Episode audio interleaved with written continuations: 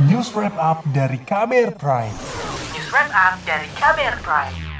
Saudara, rekrutmen 1 juta guru melalui jalur pegawai pemerintah dengan perjanjian kerja atau P3K menuai polemik. Sebagian masyarakat khawatir skema itu merupakan cara pemerintah menghapus formasi guru CPNS. Hal itu dilatari anggapan bahwa status PNS lebih sejahtera ketimbang P3K.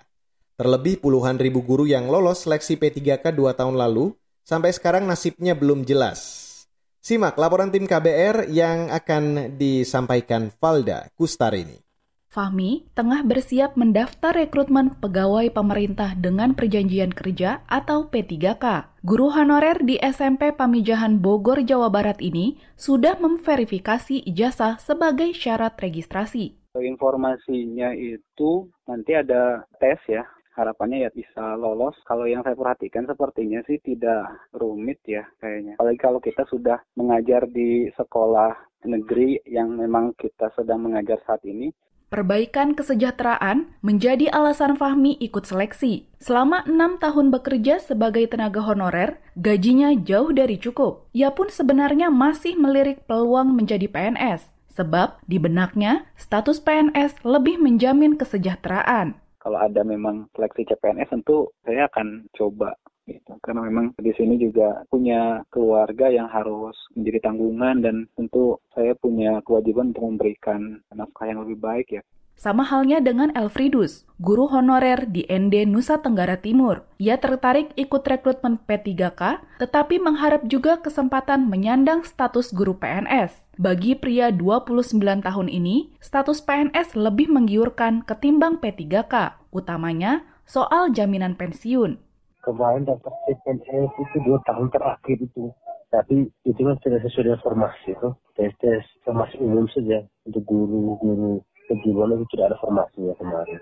Kan berdasarkan informasi juga kan kalau P3 kan tidak, ada dana untuk pensiunnya. Kalau CPNS kan ada. Bagi Frit, jaminan kesejahteraan saat ini merupakan kebutuhan utama, apalagi ia dan keluarga merasakan hidup dalam ketidakpastian ekonomi selama pandemi. Tujuh bulan honornya tak kunjung dibayar komite sekolah, padahal upahnya hanya Rp700.000 saban bulan. Beruntung, ia menerima bantuan subsidi upah dan bantuan langsung tunai dana desa kemarin honor tidak bisa dibayar ibu karena virus kemarin ya saya hampir enam tujuh bulan yang terakhir sampai saat ini hari-harinya itu dengan gak kebun setelah pulang sekolah itu di sisi lain, nasib pegawai P3K yang lolos dua tahun lalu hingga kini masih menggantung. Seperti yang dialami Titi Purwaningsih, pegawai honorer di Banjarnegara, Jawa Tengah. Sampai detik ini, Titi belum menerima surat pengangkatan sebagai P3K. Hal serupa juga dialami puluhan ribu guru honorer lain.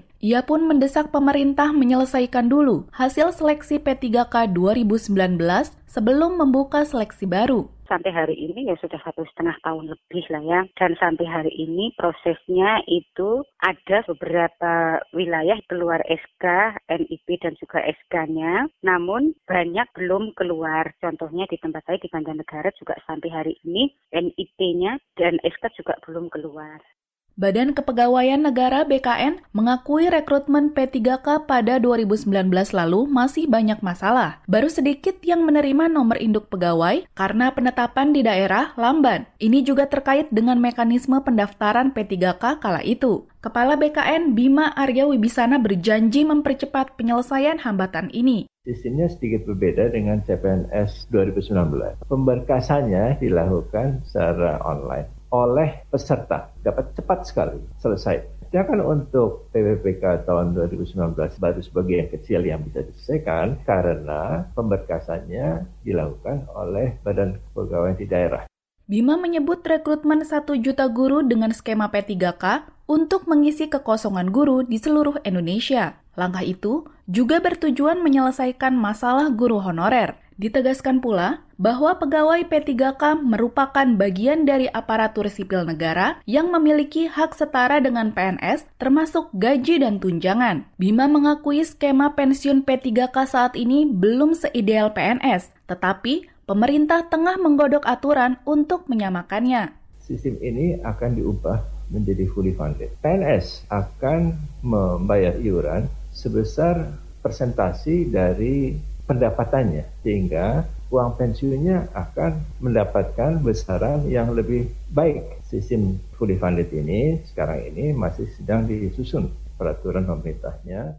Bima juga menekankan P3K bukan sebagai pegawai kontrak. Pimpinan instansi tak bisa semena-mena memutus kontraknya, yang dalam perjanjian kerja adalah soal target kinerja. Hal serupa juga berlaku untuk PNS. Jadi harus ada suatu prosedur penilaian objektif. Ini juga tidak perlu dikhawatirkan untuk memutuskan hubungan pegawai honorer saja tidak mudah, apalagi pegawai ASN. PNS pun juga harus memenuhi kinerjanya. Jadi tidak ada zona nyaman lagi bagi PNS. Demikian laporan tim KBR, saya Valda Kustarini. Kamu baru saja mendengarkan news wrap up dari KBR Prime. Dengarkan terus kbrprime.id, podcast for curious minds.